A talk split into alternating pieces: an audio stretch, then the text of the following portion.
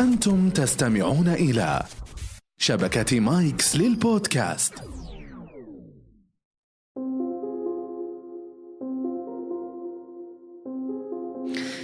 تسأل نفسك بعض الأحيان أريد أن أقدم مادة حلوة بس محتار في العنوان. كيف أختار هذا العنوان حتى يكون أكثر جاذبية للناس؟ في هذه الحلقة سوف نتحدث عن خمس خطوات تجعلك تصل إلى عنوان جذاب.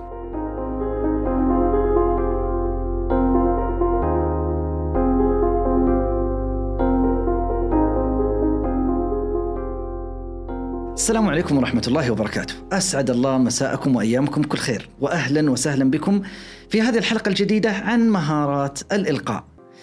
بعضهم أعد موضوع وتعب عليه ويبغى يعرف كيف يختار هذا العنوان المناسب لهذا الموضوع. أول حاجة وأول معلومة نقولها ترى العنوان آخر ما يكتب هو العنوان. إذا تكتب مقال آخر ما يكتب هو العنوان. تؤلف كتاب آخر ما يكتب هو العنوان. ولكن الفكرة تكون واضحة وجاهزة مبكرا ولذلك سوف أذكر هذه الخمس مفاتيح الجذابة لاختيار عنوان مناسب في نهاية هذه الحلقة. أريد أن أؤكد على بعض الشغلات في عملية التحضير والإعداد. كلما جمعت مراجع أكثر ومصادر أكثر كلما استطعت أن تتسع ويتسع لديك الأفق في إيصال الفكرة التي لديك، ولذلك وانت تقرأ هذه المراجع اقرأ تمعن انتقي حتى تستطيع أن تحصل على معلومات جيدة. الانتقاء هو الأهم متابعتك لبعض الدوريات اليومية لبعض مواقع التواصل الاجتماعي تجد فيها بعض الشغلات التي تثري المعلومة التي لديك. ولذلك احرص على جمع المعلومات أكثر وأكثر. كلما جمعت معلومات أكثر كلما كان إن شاء الله تعالى دائرة الانتقاء عندك أوسع. أحد المعلومات المهمة التي نحتاجها في إلقائنا ألا وهو التحديث، نريد معلومات جديدة، بعضهم يأتي بشغلات قديمة ونحتاج أن نحدث المعلومات والبيانات. هل تعلمون يا سادة يا سيدات بأن العلم في تاريخ البشرية في عام 1935 تضاعف العلم منذ بداية البشرية إلى 1935 تضاعف العلم الضعف. بسبب وسائل التقنية وبعض وظاهرة الطباعة وغيرها 1970 بعد ب 35 سنة تضاعف العلم مرة ثانية 1990 تضاعف العلم مرة ثالثة. عام 2000 تضاعف العلم. ثم وبهذا الشكل بدأت تتناقص الفترات. كل فترة يتضاعف العلم. هل تعلمون الآن كل ثمانية أشهر يتضاعف العلم في العالم مرة؟ كل ثمانية أشهر يتضاعف العلم مرة ثانية ثالثة وبهذا الشكل. ولذلك نقول من يقدم لدينا معلومة؟ نرجوك. نحن كمستمعين متلقين أعطيني ابديت أعطيني آخر التحديثات في هذا العلم. ما ما هي آخر المعلومات المصادر؟ نريد معلومات جديدة. بعضهم يأتي بشغلات عفى عليها الزمن. فإذا أراد أن يحدثك عن التقنية ولا الحاسب الآلي يكلمك عن برامج قديمة ظهر بعدها عشرات البرامج.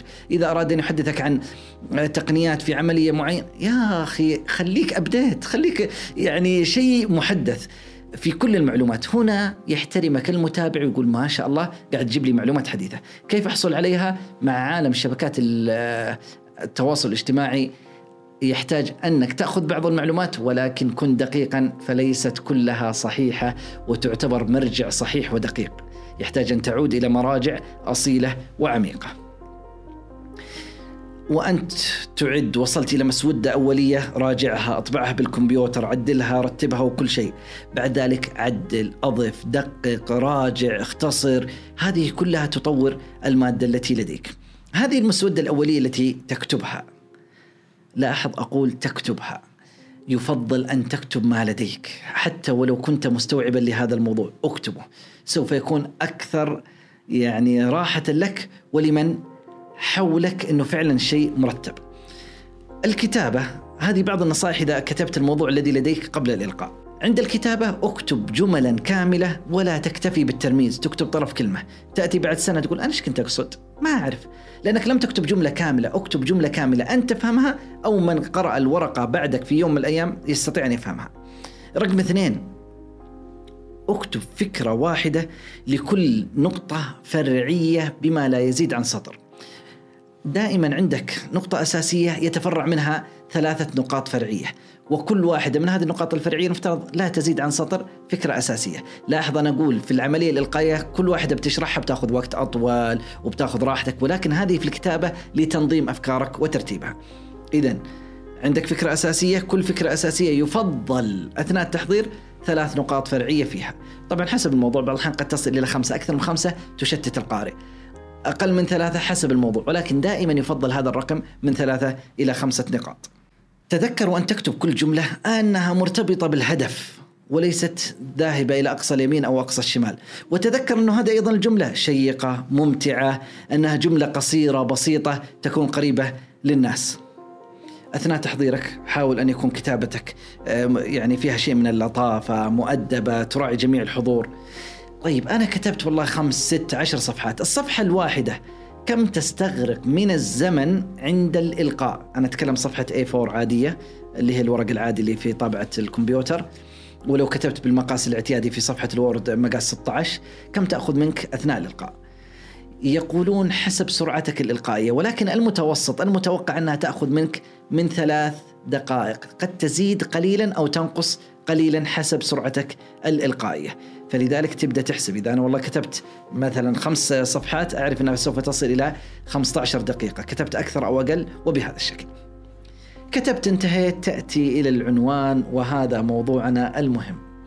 العنوان الجذاب. خمس خطوات تجعل من عنوانك أكثر جاذبية بإذن الله تعالى. أول حاجة ركز على فكرة أساسية وليست فكرة فرعية. الفكرة الأساسية التي تعبر الموضوع إذا الواحد قراه يقول أوه أوكي هذا الموضوع يهمني أستطيع أني أحضر هذا الإلقاء الذي سوف يكون أمامي. ولا يكون حاجة فرعية الواحد مو داري أوه لا, لا هذه جزئية بسيطة ما أبغاها. بينما تلقى الموضوع هو أكبر وأوسع من هذا بكثير. اثنين الأسلوب الاستفهامي بعض الأحيان يكون مشوق فتستطيع أن تضع العنوان على شكل سؤال فهذه أحد الشغلات الجميلة. رقم ثلاثة احرص ألا يزيد عدد كلمات العنوان عن ثلاث كلمات. لو كان كلمة كلمتين ممتاز ثلاث كلمات ممتاز. الأفضل ألا يزيد عن ثلاث كلمات لأنه هذه من ناحية إعلامية هو الجميل والأقرب إلى الناس. ولكن يوجد بعض المواضيع هي أكاديمية ثقيلة بنوعها تحتاج إلى ثلاث كلمات أربع خمس. فهنا نقول لا بأس إذا كان شيء تخصصي أو أكاديمي ولكن الأفضلية لثلاث كلمات. رقم أربعة. في بعض الأحيان اختيار وكتابة الأرقام ضمن العنوان قد تكون أكثر جاذبية. خمس خطوات لاختيار العنوان الأكثر جاذبية. خمس هذا رقم خمسة. أربعة ثلاثة الأرقام. ثم السر الآخر أن الأرقام الفردية أكثر قبولا لدى الناس. الناس ترى تحب الأرقام الفردية أكثر من الأرقام الزوجية وكذلك تحب ألفاظ العقود. 10 20 30 40 50 هذه أيضا مفضلة لدى الناس. خامسا احرص على أن يكون العنوان فيه إبداع وألا يكون مكررا بل فيه شيء جديد ينشد له الواحد ويكون أكثر جاذبية. سؤالي لك ولك أيتها المتابعة والمستمع والمستمعة. موضوع الذي تفكر أن تلقيه للآخرين الأيام القادمة. هل تستطيع أن تضع له عنوان الآن في هذه اللحظات وأن تستمع؟ وتنطبق عليه هذه الصفات؟ أن يكون يظهر المعلومة الأساسية وليست الفرعية؟ أن يكون بعض الأحيان العنوان بصيغة الاستفهام والسؤال؟ ألا يزيد عن ثلاث كلمات؟ قد أستطيع أستخدم في العنوان بعض الأرقام خماسية سباعية وبهذا الشكل؟ أن يكون في شيء من الإبداع. هل توصلت إلى عنوان في ذهنك؟ فكر أكثر سوف تصل إلى عنوان إبداعي بإذن الله تعالى. شكرا لكم.